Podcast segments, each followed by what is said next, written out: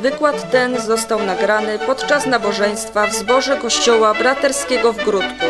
Po więcej informacji o naszej społeczności zapraszamy na stronę www.naskale.info.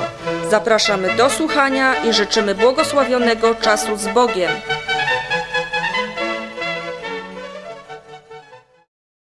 Chwała Jezusowi.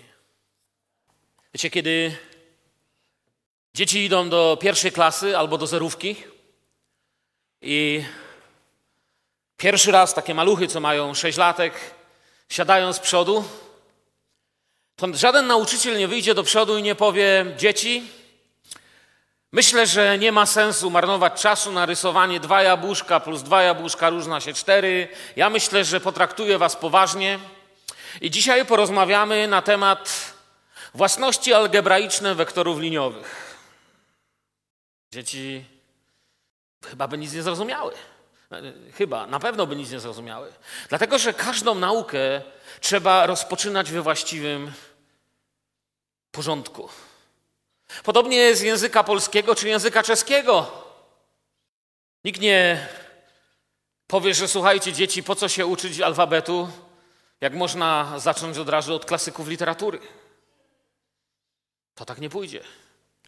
I podobnie, kiedy wracamy do naszego kazania na górze, dostrzegamy, że Jezus zaczyna od tego, co najważniejsze. Jezus zaczyna od podstaw. Chciałbym z powrotem dzisiaj po paru tygodniach przerwy związanej z tym, że byliśmy z chórem, wyjechaliśmy, że yy, podróżowaliśmy, głosząc słowo, wiecie, mieliśmy wspaniałe, wspaniałe chwile. Odwiedziliśmy Krosno, z Krosna pojechaliśmy do Chełmu, do Chełma, przepraszam. Z, z działaliśmy i w Białopolu, i w dom, Chełmskim Domu Kultury, i w zborze w Chełmie mieliśmy nabożeństwo. I doświadczałem wielkiego błogosławieństwa, będąc naszym chórem. Poznawałem ludzi lepiej i poznawałem lepiej Pana Boga. Kiedy przyjechaliśmy do Hełma, rozleciał się nasz autobus. W samym Hełmie, na głównym rondzie, w centrum miasta. Jeżeli na Google wpiszecie w mapę centrum Hełma, to strzałka pokaże się dokładnie w tym miejscu, gdzie nam się rozleciał autobus. Pomyślałem wtedy, czemu ten autobus się rozleciał? Wiecie, my mamy tysiące ludzkich wyjaśnień, ale kiedy wyjeżdżałem, moje wyjaśnienia też uległy pewnym zmianom, ponieważ na drugi dzień podstawiono nam autobus PKS-u i pojechaliśmy do Białopola. W Białopolu, słuchajcie, tak jak tam zagrał chór, jeszcze żeście nie widzieli. Chyba nawet sam chór. Szkoda, że nie mógł się oglądać. Siedziałem i byłem Bogu wdzięczny za nas chór, za muzyków. I patrzyłem na ludzi. Ludzie płakali, doświadczali Bożej obecności. Bóg ich dotykał. I to było, to było wspaniałe. Jak możemy się dzielić słowem, wiarą, doświadczeniem.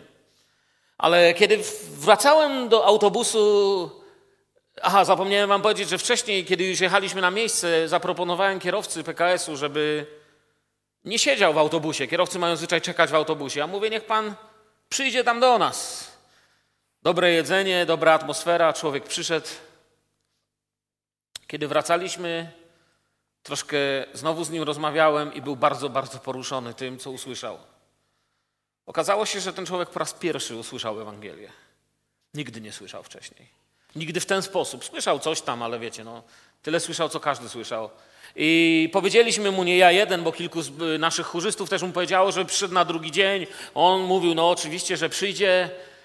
Ciekawy byłem, czy przyjdzie. I wiecie, co się okazało? Na drugi dzień był. I wszyscy z was, którzy zwróciliście na niego uwagę, ten człowiek przepłakał gorzkimi łzami całe nabożeństwo. Każda pieśń sprawiała, wiecie, i kiedy wiesz, wielki wpływ na jego życie. To był jeden człowiek, na którego zwróciłem uwagę. Jako chór, czy jako grupa, która usługiwaliśmy, dotarliśmy naprawdę do setek uszu, ale ten jeden człowiek spowodował, że zacząłem czy widzieć inaczej, czy przypomniałem sobie, że to nic, że 99 owiec. Bóg jest gotowy dla jednej sprawić, że nawet autobus może się zepsuć. I kiedy wyjeżdżałem z Chełma, wiedziałem już, czemu się zepsuł autobus. że ten człowiek mógł usłyszeć i mógł dostać podstawy, i dzisiaj będzie mógł podjąć decyzję, co dalej z jego życiem. Każdy z Was dostał taki czas od Boga. Bóg zaczyna od samego początku, od podstaw. I tak też zaczyna Pan. Pan Jezus wychodzi na wzgórze i zaczyna mówić do ludzi. Ale zwróćcie uwagę, że jego słowa, że Jezus widząc tłumy, piąty rozdział Ewangelii Mateusza, niektórzy z Was już mają w tym miejscu chyba Biblię wyrobioną przeze mnie. Moja się już chyba w tym miejscu nawet wyrobiła trochę, przynajmniej ten egzemplarz, bo używam kilku. Jezus widząc tłumy wyszedł na górę, a gdy usiadł, przystąpili do Niego Jego uczniowie, wtedy otworzył usta i nauczał ich tymi słowy. I zwróćcie uwagę, Jezus nie zaczyna od słów, które by były prawdziwe. Oto przyjdę wkrótce. No, też by mógł tak powiedzieć. Tylko, że nikt by nie wiedział, o co chodzi. To zostało powiedziane dopiero na Patmos. To dopiero w objawieniu mamy. A tutaj Jezus zaczyna od fundamentów. I zaczyna od tego, bez czego nie możesz ruszyć dalej. Od tego, bez czego nie poprowadzisz służby. Nie poprowadzisz służby, chrześcijańskiego życia nie dasz rady przeżyć. Błogosławieni ubodzy w duchu, albowiem do nich należy Królestwo Niebieskie. Słowo błogosławieni możemy odczytywać też jako szczęśliwi. Błogosławieni znaczy szczęśliwi. Kiedy człowiek sobie zaczyna zdawać sprawę, że jest ubogi w duchu, czyli to już omawialiśmy, błogosławieni, i tutaj zastępcze słowo za ubodzy w duchu można by to przetłumaczyć błogosławieni, zależni od Boga. I to nie są błogosławieni zależni od Boga, którzy są zależni od Boga, ale którzy dostrzegają, że są zależni od Boga. I widzą to i zaczynają według tego postępować. Wtedy już do nich należy Królestwo Niebieskie. To jest miejsce spotkania, zbawiennego spotkania z Bożą łaską. Potem błogosławieni, którzy się smucą, albowiem oni będą pocieszeni. I tutaj też Cały godzinny wykład na ten temat był, więc go nie chcę powtarzać. Powtórzę tylko główną myśl tego wykładu. Kiedy zobaczysz siebie tak, jak widzi ciebie Bóg, jako człowieka z tego świata, którego wyciąga, jedyne co człowiek może zrobić, gdy zobaczy realność Golgoty, to się rozpłakać. Zasmucić i zobaczyć, kim naprawdę jest. Nigdy nie widziałem prawdziwego nawrócenia w podskokach i radości. Nawrócenie jest zawsze na kolanach, we łzach. Prawdziwe nawrócenie. Ludzie, którzy się nawrócą pod krzyżem, to są ludzie, którzy potem przejdą wiele, nie, wiele, wiele przeciwności. Człowiek się nie nawraca ze śmiechem. Śmiech przychodzi później, bo to jest radością być z Panem. I Słowo Boże nas uczy, byśmy się radowali, ale to nie jest to miejsce. Kiedy człowiek zależny od Boga widzi, kim jest, pozostaje ucichnąć. Błogosławieni cisi, albowiem oni na własność posiądą ziemię. Człowiek może po prostu tylko ucichnąć. I również na ten temat już mówiłem i był wykład, nie chcę go powtarzać. I dzisiaj dochodzę do tego czwartego z ośmiu plus jeden błogosławieństw. Błogosławieni, którzy łakną i pragną sprawiedliwości, albowiem oni będą nasyceni. Sprawiedliwość. Bóg jest sprawiedliwy i Bóg chce, żebym był sprawiedliwy. Bóg jest sprawiedliwy i chce, żebym ja żył sprawiedliwie. Psalm 11, siódmy werset mówi, że sprawiedliwy jest Pan, kocha sprawiedliwość, prawi zobaczą oblicze Jego. Błogosławieni, którzy łakną i pragną. To słowo łakną i pragną mnie zainteresowało. Słowo spragnieni kojarzy mi się ze szklanką wody. Spragnieni, szklanka wody. W miarę pragnienie, wiecie czym jest? Byliście kiedyś spragnieni? Pragnienie jest, jest czymś takim, co w miarę z czasem robi się coraz większe. Pragnienie się nie zmniejsza, pragnienie musi zostać zaspokojone, inaczej będzie wzrastać. Pragnienie nie jest czymś, o czym możemy powiedzieć przeczekam. Jeżeli się położysz spragniony do łóżka, to rano się obudzisz spragniony. To nie, nie minie samo. Słowo pragnienie kojarzy mi się z wodą, ale tu jest dużo głębsze. W miarę pragnienia staje się, w miarę czasu pragnienie staje się ważniejsze niż wszystko. Inne słowo, czy inny obraz, z którym kojarzy mi się słowo spragnieni, łaknący, widzę pustynię. I widzę oazę pośrodku pustyni. I spragnieni widzą ją z daleka. Spragnieni oczekują oazy na pustyni i koniecznie, jeżeli już jest oaza, to na oazie musi być woda. W oazie musi być woda. Takie jest pragnienie. Wiecie, przyszło nam żyć w czasach, kiedy sprawiedliwość nie jest czymś, co pragną na świecie ludzie. To, co Jezus tutaj opisuje, wszystkie osiem błogosławieni, czy osiem plus jedno błogosławieni, bo ósme i dziewiąte właściwie są tym samym błogosławieństwem. Wszystkie te osiem błogosławieni mówią o czymś, czego świat, ten system śmieje się. Religia też się z tego śmieje, ponieważ celem religii nie jest wywyższanie Boga, a zachowanie kalendarza i liturgii. To błogosławieni ma sens tylko dla ludzi ożywionych duchowo. I przyszło nam żyć właśnie w takich czasach, że sprawiedliwość no tak może być, ale nie jest czymś, co ludzie dzisiaj chcą, chyba że sprawiedliwość po naszej stronie, nasza. Liczy się ludzkie ego, chęć załatwienia spraw po swojemu. I dlatego chciałbym najpierw powiedzieć, jaka jest definicja sprawiedliwości? Co to jest sprawiedliwość? Można by chyba wiele mówić na temat definicji. Powiem tak. Wierzę, że definicja sprawiedliwości brzmi tak. Sprawiedliwość to przykładanie uczciwej miary bez względu na to, czy wynik jest dla mnie korzystny. Usłyszeliście mnie, przyjaciele? Sprawiedliwość to przykładanie uczciwej miary, uczciwej wagi do każdej sprawy, do każdego miejsca mojego życia, bez względu na to, czy wynik tego będzie dla mnie korzystny, czy będzie dla mnie niekorzystny i pokaże, że jednak ja się muszę zmienić, że ja muszę umieć powiedzieć przepraszam, umieć powiedzieć pomyliłem się, umieć powiedzieć nie zauważyłem. Sprawiedliwość okazuje się wyzwaniem nie do przejścia dla wielu ludzi. Sprawiedliwość jest czymś, czym, czego chcemy doświadczać, ale Bóg też mówi, że mamy czynić. A więc mówiliśmy o ubogim w duchu. Ubogi w duchu, zależny od Boga, zamilkł. Czy zasmucił się i zamilkł. I kiedy trwa zależny od Pana, smutny z powodu swoich grzechów, zaczyna doświadczać łaski, wobec ogromu Bożej łaski milknie, teraz zaczyna pragnąć sprawiedliwości. Mówiłem Wam też, że tych osiem błogosławieni jest duchowym wzrostem. One są po kolei. Ubogi w duchu, mówiłem, zależny od Boga, zaczyna się smucić, widząc swój stan, wtedy cichnie i zaczyna pragnąć Bożej sprawiedliwości. Widząc, czym jest Boża sprawiedliwość, staje się miłosierny im bardziej doświadczamy miłosierdzia, wzrastamy duchowo, jego serce staje się coraz bardziej czyste, a ludzie czystego serca wszędzie wprowadzają pokój i zaczynają oglądać Boga i są nazywani synami Bożymi. A to nie podoba się światu i zaczynają być błogosławieni z powodu prześladowań. To jest droga duchowego wzrostu, którą tu widzicie. To jest duchowy wzrost, to jest ze sobą powiązane.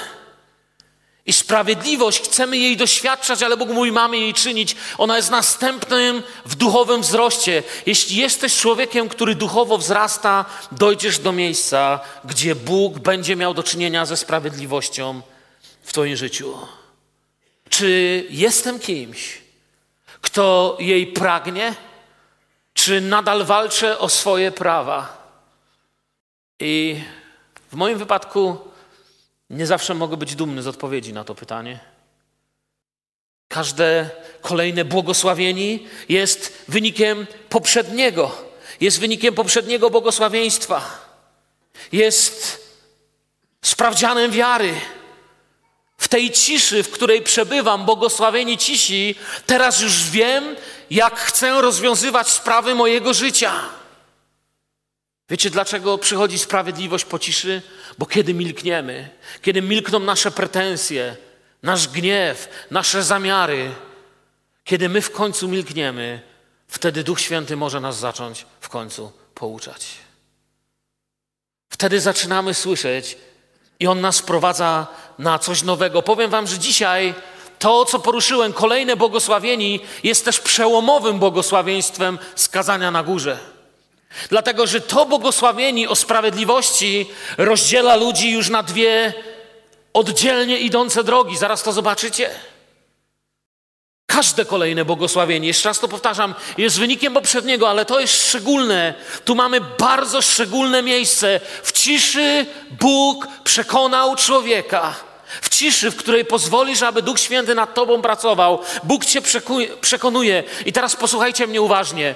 Poprzednie błogosławieni, pamiętacie je wszystkie? Ubodzy w duchu, zasmuceni, cisi. Zwróćcie uwagę, wszystkie poprzednie błogosławieni odnosiły się bezpośrednio do tego, co się dzieje w naszym wnętrzu. Odnosiły się tylko i wyłącznie do nas i jeszcze nie miały wpływu na świat. Chyba to, że staliśmy się cicho, może trochę miało, bo, bo trochę mniej hałasu było. Ale ogólnie nie miały żadnego wpływu na świat wokół, bardziej odnosiły się do nas do naszego wnętrza, do naszego przeżywania życia z Bogiem. Budowały nas na podobieństwo do Jezusa. I oto wchodzimy w duchowym wzroście, błogosławieni, pragnący sprawiedliwości. I tutaj jest po raz pierwszy miejsce, gdzie to, co dzieje się w nas, wylewa się na świat, ma wpływ na to, co się dzieje na świecie. Teraz mamy pierwsze błogosławieni, które zmienia świat wokół nas które zaczyna oddziaływać na moją rodzinę, na ludzi, którzy są koło mnie, na, na to, jak jest postrzegane moje życie. Mam pierwsze błogosławieni, które przemienia świat wokół mnie. Błogosławieni będą jeszcze miłosierni potem.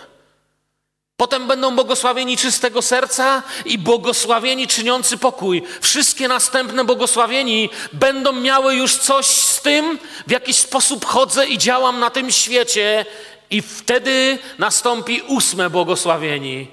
Będzie wynikiem odpowiedzi systemu tego świata na to, co się stało w tobie. Błogosławieni, prześladowani. Bo świat nigdy nie zacznie klaskać Jezusowi. Im bardziej będziesz podobny do Jezusa, tym bardziej świat będzie na to źle patrzył. Błogosławieni, a potem nastąpi odpowiedź świata. Ten system, świeckość, duch tego świata, czy książę tego świata mógł znieść Twoje duchowe ubóstwo. W porządku, bądź sobie ubogi duchowo. Mógł znieść to, że się smucisz, może nawet dobrze, że się smucisz. Mógł znieść to, że jesteś cicho, ale sprawiedliwość zaczyna być dla niego drażniąca. Bo sprawiedliwość jest czymś, co stąd wynosicie w ten świat. Póki się czujesz ubogi duchowo, cichy i smutny. Jedziesz samochodem do domu i świat się przez to nie zmienia, ale kiedy wychodzisz stąd i zaczynasz być sprawiedliwy w swojej pracy, firmie, postępowaniu, szkole, w tym, kim jesteś, to wzbudza uwagę duchowego świata. To jest to miejsce, gdzie stajesz przed wielkim wyborem w duchowym wzroście. To już widać poza Kościołem. To już jest czymś, co czyni Kościół Jezusa widocznym i prawdziwym. Tam to też. Tam to jest fundament. Mówiłem ostatnio o fundamencie. Przeciwnik, przeciwnik mocnych fundamentów będzie zawsze przeciwnikiem dobrej budowy, ale błogosławieni, czyniący sprawiedliwość, mocno się już są drzazgą, są igłą w systemie świeckości tego świata. I dlatego będą cierpiącymi prześladowani i obmowę, bo świat zacznie o tym mówić. Świat nie będzie tego tolerował system tego świata jest inaczej zbudowany.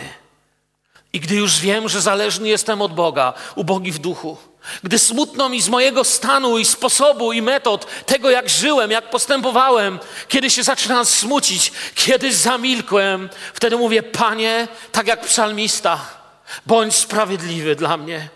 Powołuję się na Twoją sprawiedliwość, moja nadzieja w Twojej sprawiedliwości i zaczynam tak żyć.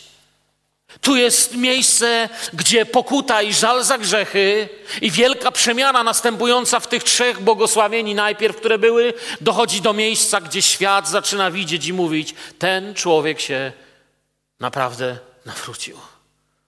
Ten człowiek coś naprawdę przeżył. Mówiłem w czwartek na temat tego, czym jest prawdziwe opamiętanie. I tutaj to zaczyna być widoczne. Wyłania się nowe życie w Jezusie. Tu zaczyna być to widać. I wtedy Duch Święty ma dla nas nową lekcję. A teraz, dzieci, trwajcie w nim, abyśmy, gdy się objawi, mogli śmiało stanąć przed nim i nie zostali zawstydzeni przy przyjściu Jego. Jeżeli wiecie, że jest sprawiedliwy, wiedzcie też, że każdy, kto postępuje sprawiedliwie, z niego się narodził. To jest coś, co Biblia zaczyna nam mówić. Zobaczcie, nigdzie Biblia nie mówi, że jeśli widzisz ubogiego w duchu, o, to znaczy, że twój brat, bo ty tego nie możesz zobaczyć i dobrze ocenić. Tak samo Biblia nie mówi, jeśli widzisz smucącego się, o, to twój brat. Tego też nie możesz jeszcze, no trudno ludzi tak ocenić. Ale tu jest pierwszy owoc, czwarte błogosławieni, które Biblia mówi, czy, czy Duch Święty przez Słowo nas poucza, że kto postępuje sprawiedliwie, z niego się narodził. Pełne, jasne stwierdzenie. To już możesz widzieć. I tutaj mamy kilka praw. Po pierwsze, w tym pierwszym Jana, drugi rozdział 28-29, po pierwsze jest bardzo jasne powiedziane, że jest to w kontekście Bożego objawienia. Gdy się objawi, gdy się Pan objawi, co w związku z tym, gdy się Pan objawi, bo to jest pewne, ale po drugie jest takie jakby w tle zadane pytanie, bo się Pan objawi na pewno, ale czy śmiało będę mógł przed Nim stanąć?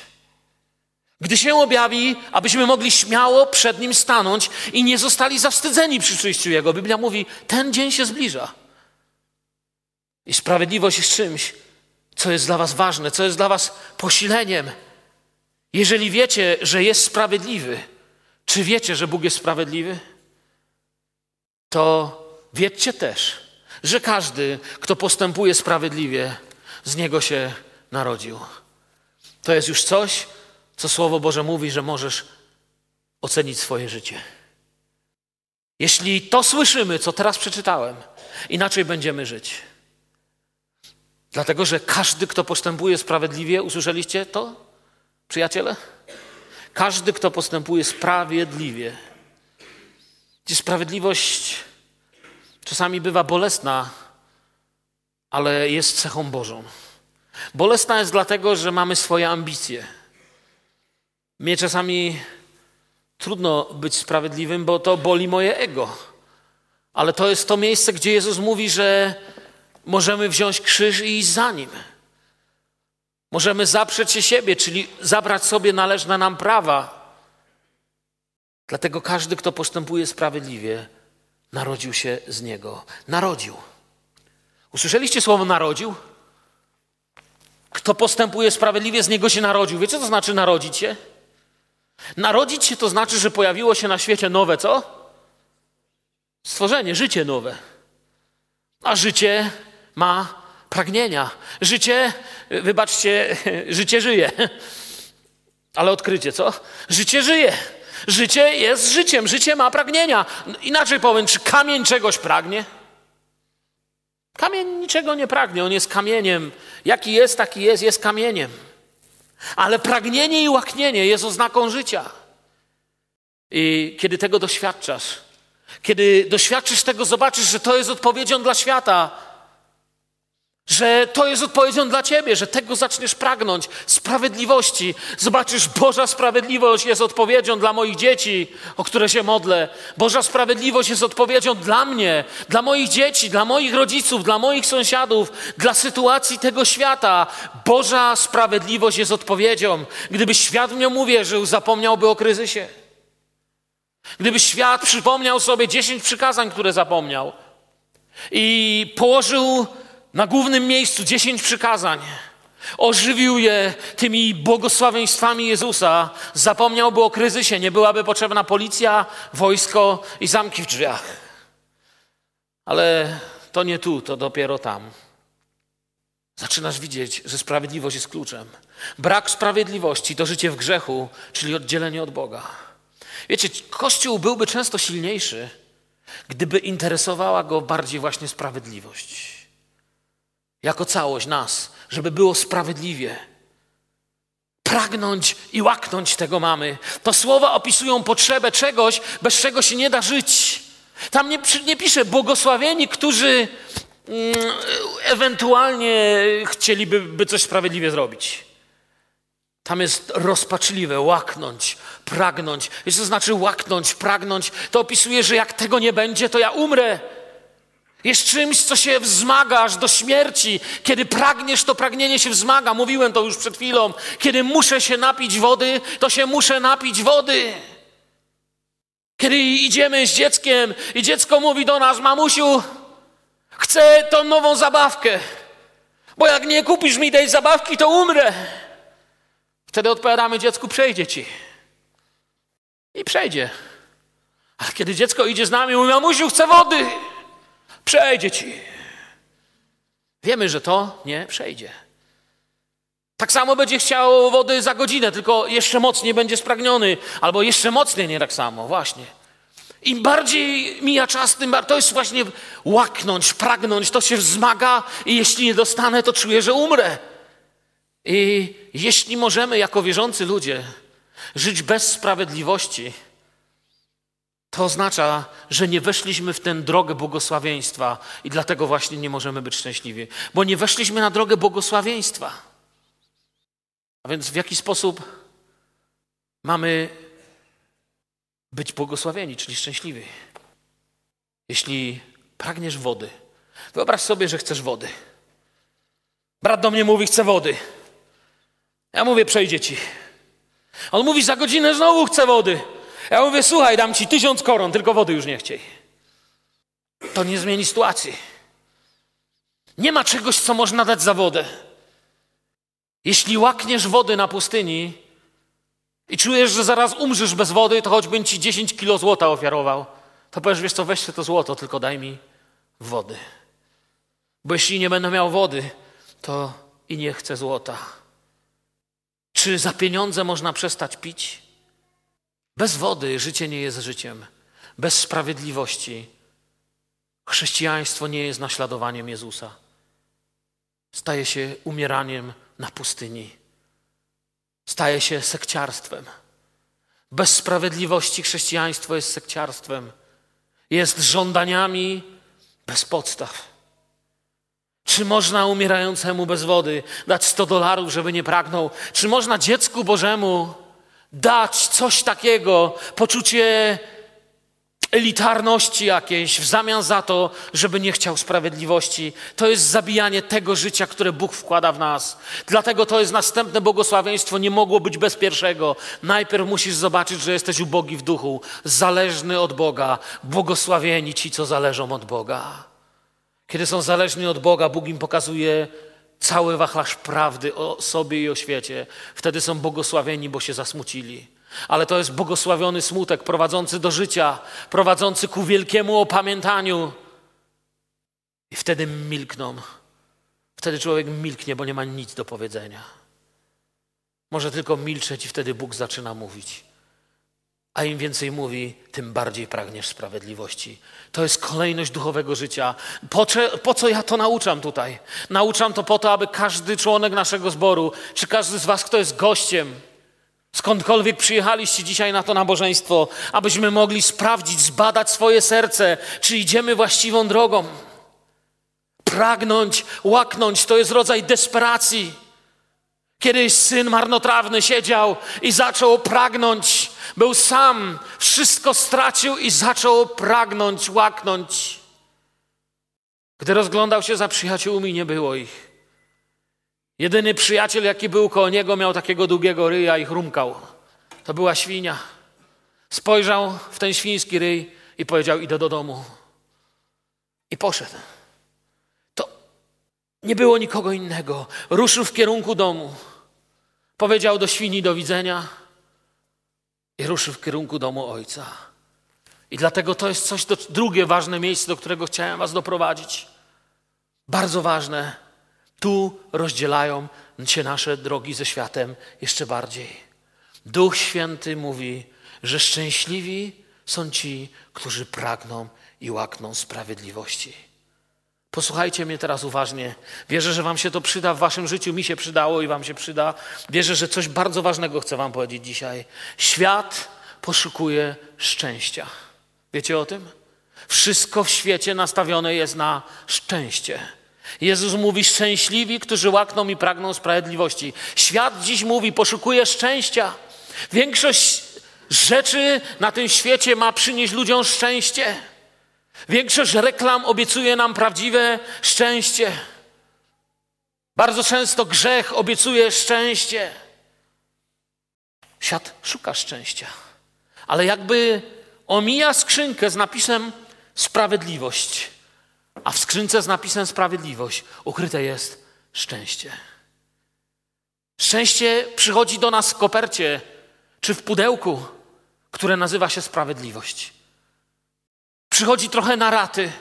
Szczęście przychodzi najpierw w pudełku duchowe ubóstwo, potem każde inne. Świat szuka szczęścia, ale omija tam, gdzie ono jest naprawdę ukryte.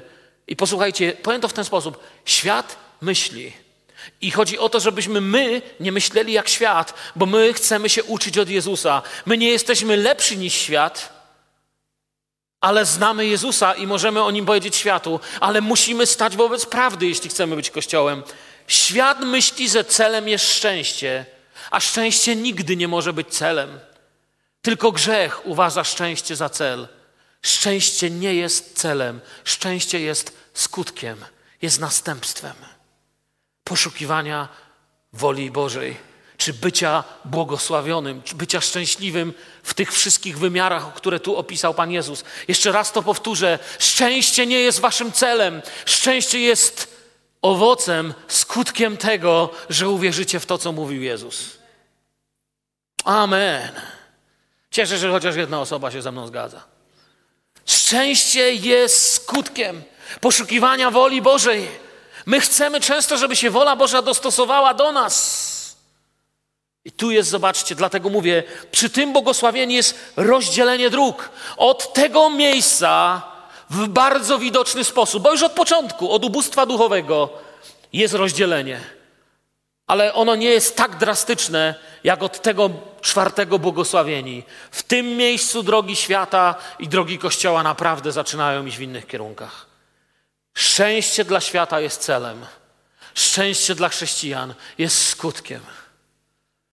Tym, co się stało z powodu poznania Jezusa i posłuszeństwa, jest skutkiem. I wola Boża nie dostosuje się do nas, my musimy się dostosować do niej.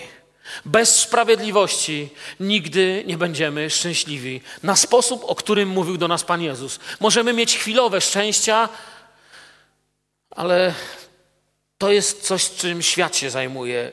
Jeśli jesteśmy uczniami Jezusa, tu jest klucz. Poszukiwacze swojego szczęścia nie będą nasyceni. Nasyceni będą poszukiwacze sprawiedliwości, błogosławieni, szczęśliwi, którzy łakną i pragną sprawiedliwości. Będziecie nasyceni. Przyjdzie dzień, kiedy zobaczycie, jak Bóg da wam pełną sprawiedliwość. To, z czym się dziś w modlitwach nie zgadzacie, to, w czym w modlitwach walczycie, jeżeli nie będziecie szli tą drogą, o której tu mówi Jezus, nie będziecie błogosławieni w kościele, nie będziecie szczęśliwi. Wiecie, człowiek może być w kościele, ale będzie w kościele funkcjonował na zasadzie widzenia religii, niedzielnych nabożeństw, ludzkich problemów i po kilku latach bytach wierzącym odkryje, że jest wypalony, rozczarowany i całkowicie zawiedziony wierzącymi ludźmi i nie każdy będzie miał odwagę przyznać się, że próbował uprawiać Kościół jak swoje pole z ziemniakami, a to nie jest Twoje. Ty jesteś jedną z wielu cegieł Pana Boga. Poszukiwacze swojego szczęścia nie będą nasyceni. Dziś mówi się o sprawiedliwości w telewizji. Cię często w dzienniku mówią wymiar sprawiedliwości. Ja myślę, że dzisiaj to się nie powinno nazywać wymiar sprawiedliwości, tylko wymiar chciwości albo wymiar prywatności. Ja nie wierzę w ludzkie sądy. Nie wierzę w ludzki aparat bezpieczeństwa. Wierzę w tą sprawiedliwość. Dzisiaj się mówi o sprawiedliwości milion z ludzkimi wynalazkami. Każdemu to samo, każdemu według zasług, każdemu według pozycji. Wszystko, co teraz przeczytałem, jest niesprawiedliwością. Nie należy się każdemu to samo. Nie należy się każdemu według zasług i nie należy się każdemu według pozycji. Politycy kochają te słowa i wmawiają je innym, chociaż sami lekceważą. To jest świat. Kościół myśli inaczej. Pragnienie sprawiedliwości w nas to jest pragnienie do powrotu pełnej relacji z Duchem Świętym, tak jak Kościół przewidział dla Kościoła tu i dla Kościoła tam. Pragnienie sprawiedliwości jest znakiem uczniostwa. Jeżeli czujesz w swoim sercu, że chcesz sprawiedliwość i gniewa cię niesprawiedliwość, nie wobec siebie, ale wobec biedy, nędzy ludzkiej, słabości, kiedy gniewa cię chciwość i osąd innych, odkrywasz w sobie, że masz znaki uczniostwa. Uczeń Jezusa chce być jak Jego Pan, a Pan jest sprawiedliwy. Bóg jest sprawiedliwy. Bóg mówi świętymi bądźcie, bo ja jestem święty, ale też wzywa, byśmy byli sprawiedliwi, bo On jest sprawiedliwy. Byśmy byli sprawiedliwi, bo On jest sprawiedliwy. Bóg jest sprawiedliwy, dlatego to pragnienie jest takie niezwykłe. I obietnica brzmi: będą nasyceni. Słyszeliście ją? Wiecie o tym, że tam nie ma żadnego greckiego ukrytego znaczenia, że być może będą nasyceni. Może będą nasyceni. Nie wiadomo, czy będą nasyceni. Tam jest jasno powiedziane: będą nasyceni. Jak mówi Bóg, że coś się stanie, to się stanie. Bóg nigdy nie musi niczego próbować. Czasami ludzie myślą, że Bóg coś próbuje. Bóg niczego nie musi spróbować. On mówi i tak się stanie. Jednym z atrybutów Bożych które różnią nas od Boga, jest to, że człowiek, żeby skończyć, musi najpierw zacząć, a Bóg najpierw skończył i dopiero wtedy zaczyna. To jest Boży atrybut, niepojęty dla nas. I mówi Bóg, na pewno będziecie nasyceni. Nasycenie, co to znaczy nasycenie? Byliście kiedyś, widzieliście coś nasyconego kiedyś? Ja widziałem nasycone, jak siedziałem w lesie. Przyleciało nienasycone i tak się opiło mojej krwi, że szczeliło mi przed nosem. Komara widziałem. On się tak nasycił moją krwią, że wybuchł jak leciał. Myślałem sobie dziwne. Szkoda, że nie mogłem tego filmować. Świetny obraz. Nasycenie jest takie, że wszystko, czym jestem, nie może utrzymać tego, co otrzymałem. To znaczy nasycenie. Kiedy gąbka jest nasycona wodą, to nie jest wilgotna, ale woda się z niej leje. Kiedy jestem nasycony sprawiedliwością, to nie musisz się zastanawiać. Być może on zrobi tak, a być może tak nie. Ona się wylewa. Jestem nasycony. I tu Biblia mówi, że tego jeszcze nie będziemy mieli. Ale idzie czas, kiedy sprawiedliwość zaleje wszystko i wszystko w niej utonie. Boża sprawiedliwość przyszłych wieków. To nie jest łyk, który pozwala iść dalej, ale Boża obietnica, która się spełnia. I to nie nasyci nasz świat, ale przyjdzie dzień nasycenia. Pomyślcie, myśleliście kiedyś tak o Bożych obietnicach? Często świat mówi, przyjdzie dzień sądu. No to jest prawda, Biblia to też mówi. Ale jeszcze Biblia do nas mówi, przyjdzie dzień nasycenia. Przyjdzie dzień nasycenia. I pomyślcie, kiedy przyjdzie dzień nasycenia, nie będzie już cmentarzy przy drodze. A w przychodni nie będzie kolejki, bo chorych nie będzie. U psychologa nie będzie kolejki, bo smutku już nie będzie i przestaną się sprzedawać chusteczki, bo Bóg otrze wszelką łzę. Przyjdzie dzień nasycenia. Bóg da nasycenie i szczęście tu, ale to jeszcze nie koniec. Tu da tylko początek, da troszkę do smaku. Bóg ocali sprawiedliwego, gdy przyjdzie dzień sądu, mówi. On powiedział, że będzie jak za dni Noego, wcześniej, kiedy nauczał Pan Jezus. Powiedział tak, będzie jak za dni Noego. I często, kiedy słyszymy, że będzie jak za dni Noego, wiecie na co zwracamy uwagę niechcąco? Źle zwracamy uwagę. Bo mówiąc, będzie jak za dni Noego, zwracamy uwagę na bezprawie tego świata. To jest prawda, to widzimy wszyscy. Nie patrzymy na coś jeszcze, patrzymy jakby tylko na to bezprawie tamtych dni. Posłuchajcie jeszcze raz. I rzekł Pan do Noego. A Jezus mówi, że będzie w naszych czasach jak za dni Noego. Wejdź do arki ty i cały, twój, cały dom twój, bo widziałem, że jesteś sprawiedliwy przede mną w tym pokoleniu. Noe został nasycony. Noe został nasycony. Noe przeżył. To nie była sprawiedliwość w oczach ludzi. Zobaczcie, tutaj znowu widać, że sprawiedliwość jest miejscem, gdzie drogi się rozchodzą. Kościół idzie w jedną stronę, świat w drugą. Uwierzcie mi, żaden człowiek współczesny Noemu nie patrzył na Noego i nie mówił: No, co za sprawiedliwy człowiek. Pierwszy raz widzę takiego sprawiedliwego na pustyni, gdzie nigdy nie ma wody, buduje statek. I mówi, że woda będzie padać z nieba, chociaż woda przecież nigdy z nieba nie leciała. I oni na niego patrzyli. I gdyby istniały kaftany bezpieczeństwa, jeden by dostał. Gdyby istniały ambulanse, to któryś by po niego przyjechał z kaftanem. Patrzyli na niego i mówili: Słuchajcie, widzieliście tego Noego tam pod tą górką? Statek buduje. I wiecie, co mówi, że tu będzie morze. I świat się z niego śmiał. Dzisiaj ten sam świat wmawia nam, że na szczytach Tat też kiedyś było morze i, i nikt się nie śmieje. No, ale nie będziemy w tym kierunku szli. Świat się patrzył na Noego i mówił: Wariat. Nikt nie mówi, że sprawiedliwy. Ale Bóg powiedział: Wiesz co, Noe? Dla mnie jesteś sprawiedliwy. Wejdź do arki. Kiedy Noe wszedł do arki, świat się jeszcze ciągle uśmiechał. Myślę, że zadawali sobie pytanie: ciekawe, ile ten wariat wysiedzi tam z tymi zwierzętami. I wiecie, co się wtedy stało? Najpierw bardzo cicho, bardzo powoli na swoich dachach zaczęli słyszeć coś takiego. Pierwsze kropelki, grube, zaczęły bębnić po deskach. Ludzie spojrzeli w górę. Co to jest? Tego nigdy wcześniej nie było. A potem coraz mocniej, aż do wielkiego szumu. Szum był już tak duży, że zagłuszył dobijanie się do drzwi okrętu, który zbudował wariat w górach. Jezus mówi, że przyjdzie. Jezus chce, abyś przygotował swoje życie na Jego przyjście. Przyjdzie dzień, kiedy Pan Jezus przyjdzie po swój Kościół i sprawiedliwość jest kluczem, żebyśmy łaknęli i pragnęli sprawiedliwości. Przyjdzie dzień, że Duch Święty przypomni nam, że był czas, gdy słyszeliśmy o łasce, słyszeliśmy o pokucie, słyszeliśmy o Bożej dobroci. Ale my nie mieliśmy na te rzeczy czasu. Człowieku, ja mam wykształcenie, ty wiesz, kim ja jestem? Jestem szefem w pracy. Ja mam za dużo pieniędzy, żeby słuchać tych rzeczy. No przecież i tak chodzę do kościoła.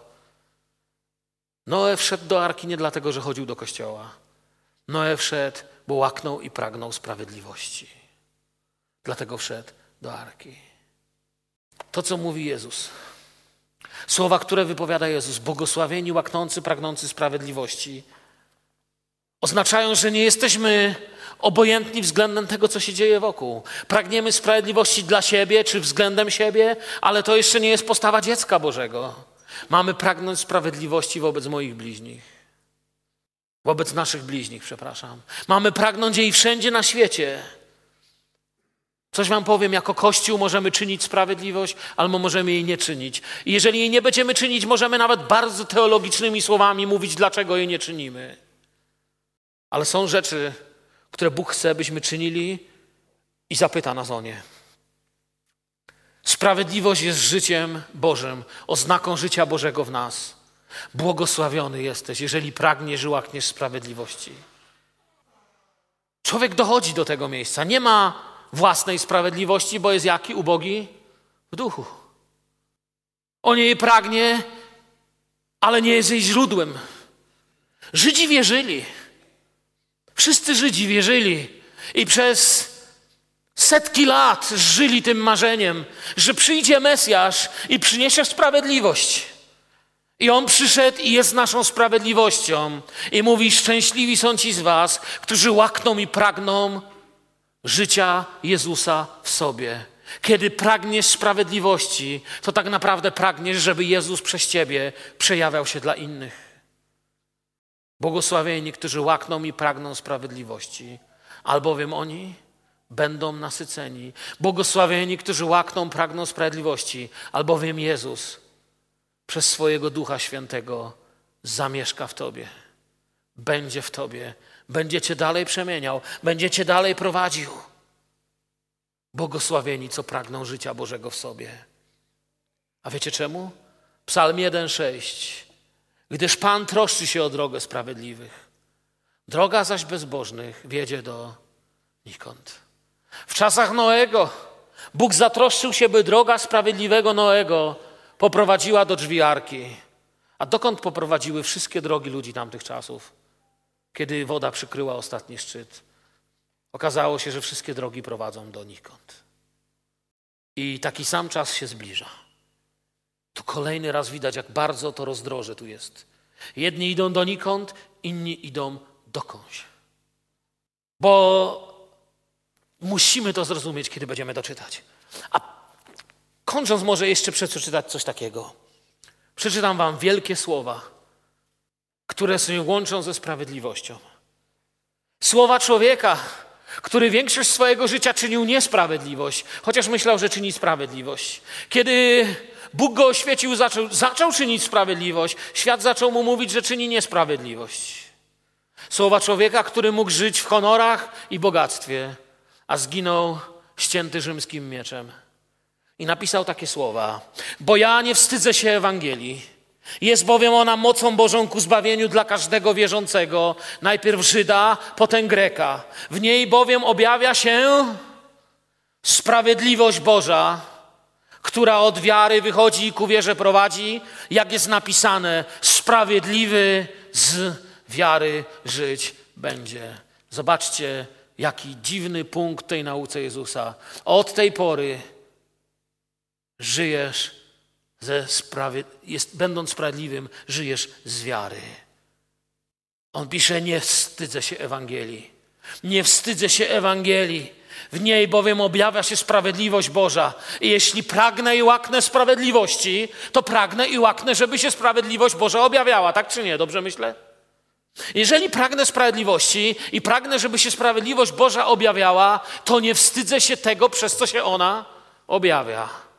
A ona się nie objawia przez to, że będziemy mieli miłe gesty i miłe uśmiechy, ale objawia się przez to, że nie wstydzę się Ewangelii Chrystusowej. Problem z nami, że się jej wstydzimy, bo nie wierzymy, że to jest sprawiedliwość. I to samo pytanie zadawałem w czwartek. Powinniśmy sobie je zadać jako zbór. Kiedy ostatni raz podzieliłeś się z kimś Ewangelią? Kiedy ostatni raz zapytałeś jakiegoś człowieka, czy zna Jezusa? Kiedy ostatni raz kogoś wziąłeś za rękę i powiedziałeś, czy mogę się z Tobą pomodlić? Ile razy w życiu na obcych ludziach to spróbowałem, nigdy mi nie odmówili, a zawsze jeszcze potem zadzwonili albo przypominali mi to przez parę lat. Ten świat jest jak pustynia, jeśli chodzi o sprawiedliwość. A sprawiedliwość objawia się przez Ewangelię. W niej bowiem objawia się sprawiedliwość Boża, w Ewangelii. Jeżeli chcemy być zborem, który jest światłością świata, to mamy nieść Ewangelię. A to wymaga pragnienia sprawiedliwości. I dlatego ten czwarty punkt jest ważny. Widzicie, jaki to jest wysoki już poziom? Pierwszy był ubóstwo duchowe. Czuję, że nic nie mam. Jestem zależny od Pana. Potem przychodził ten smutek. I to, co zobaczyliśmy, sprawiało naszą ciszę. Ale Bóg mówi: Nie będziesz tak trwał w tej ciszy. Jest jeszcze schod wyżej. Chodź za mną. Ucz się ode mnie. Naśladuj mnie. I wtedy w nas się to pojawia. Panie, pragnę i łaknę sprawiedliwości. Już nie mojej. Nie, żeby moje Mirka było na górze, a twoje na dole. Nie, żebym ja miał rację, ja nie muszę mieć racji i często nie mam racji. Chcę Twojej sprawiedliwości. A Bóg mówi wtedy: Wiesz, dlaczego to jest ważne? Gdybyś zapytał dzisiaj Ducha Świętego, Panie, czemu ta sprawiedliwość jest taka ważna?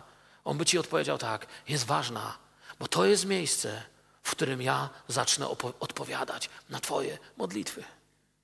To jest miejsce, które uczyni cię człowiekiem, któremu ja zacznę odpowiadać na modlitwy. I to jest miejsce, które uczyni nas kościołem, któremu Bóg zacznie opowiadać na modlitwy. Albowiem oczy Pana zwrócone są na sprawiedliwych, a uszy Jego ku prośbie ich, lecz oblicze Pańskie przeciwko tym, którzy czynią zło. czyli niesprawiedliwość. Czy można powiedzieć to jaśniej? Czasem ludzie przychodzą z pretensjami, mówią: Bracie, dzisiejszy kościół nie ma w ogóle cudów, nie ma odpowiedzi na modlitwę. Ale często sami sobie nie zadają pytania, to jak jesteś taki duchowy i masz takie objawienia, to czemu ty nie masz odpowiedzi na modlitwę? Bardzo łatwo jest udawać sprawiedliwego. I trochę to przypomina, wiecie, propagandę z dawnych czasów, że się widzi błędy innych. Ale na drodze naszej Bóg mówi: Moje oczy są zwrócone na sprawiedliwych, a moje uszy słyszą ich prośbę. Chcę czynić to, o co prosisz, jeśli jesteś sprawiedliwy. Po naszemu to mówiąc. Sprawiedliwość zmienia wszystko. Pragnienie wody nie jest uczuciem. Żaden człowiek nie może pójść do psychiatry i powiedzieć: Wie panie doktorze, mam jakieś dziwne, no nie piłem już cztery dni i ciągle pragnę wody. Psychiatra mu wtedy powie, że ma gdzie indziej problem, bo to nie jest problem z tym, co czujesz, to jest problem z tym, co potrzebujesz, żeby żyć. Sprawiedliwość nie jest odczuciem, nie jest stanem emocjonalnym. Teraz jej straszne pragnę, ale już w poniedziałek nie będę pragnął. Pragnienie wody nie jest uczuciem, jest wymaganiem życia. Pragnienie sprawiedliwości nie jest doświadczeniem religijnym, niedzielnym. Jest stanem, do którego chcecie doprowadzić Duch Święty. Błogosławieni, szczęśliwi, ubodzy, smutni, cisi, zapragnęli tego, czego sami dać nie mogli i czego sami wcześniej nie czynili, a co zobaczyli, że czyni Jezus i potrzebuje świat. Błogosławieni, którzy łakną i pragną sprawiedliwości, będziecie nasyceni. Powstańmy do modlitwy. Chwała Jezusowi. Panie, prosimy Ciebie, abyś posiał głęboko w naszych sercach słowa Twojego nauczania, błogosławieni, którzy łakną i pragną sprawiedliwości. Panie, uczyń z nas ludzi, którzy nie łakną i nie pragną zemsty, którzy nie łakną i nie pragną tego, żeby nasze było na wierzchu, żeby nasze prawdy i nasze racje zwyciężały.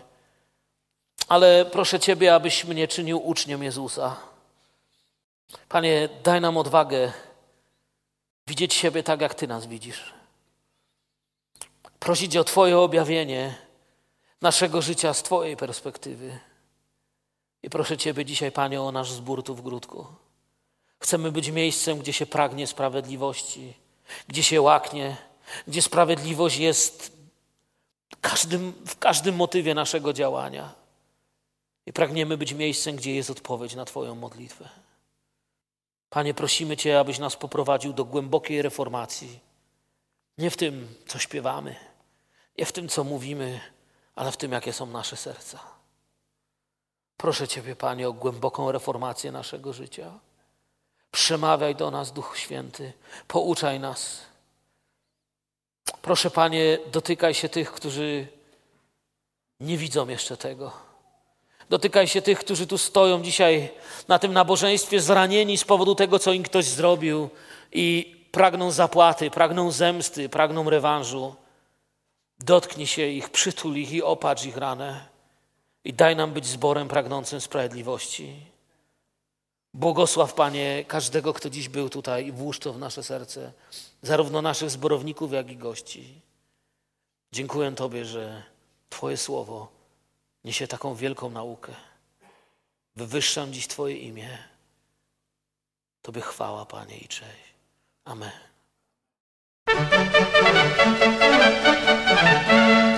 Tato nahrávka byla pořízena ve schromáždění Církve Bratrské v Hrádku. Pro více informací navštivte naši internetovou stránku www.naskale.info. Zveme vás k poslechu a přejeme požehnaný čas.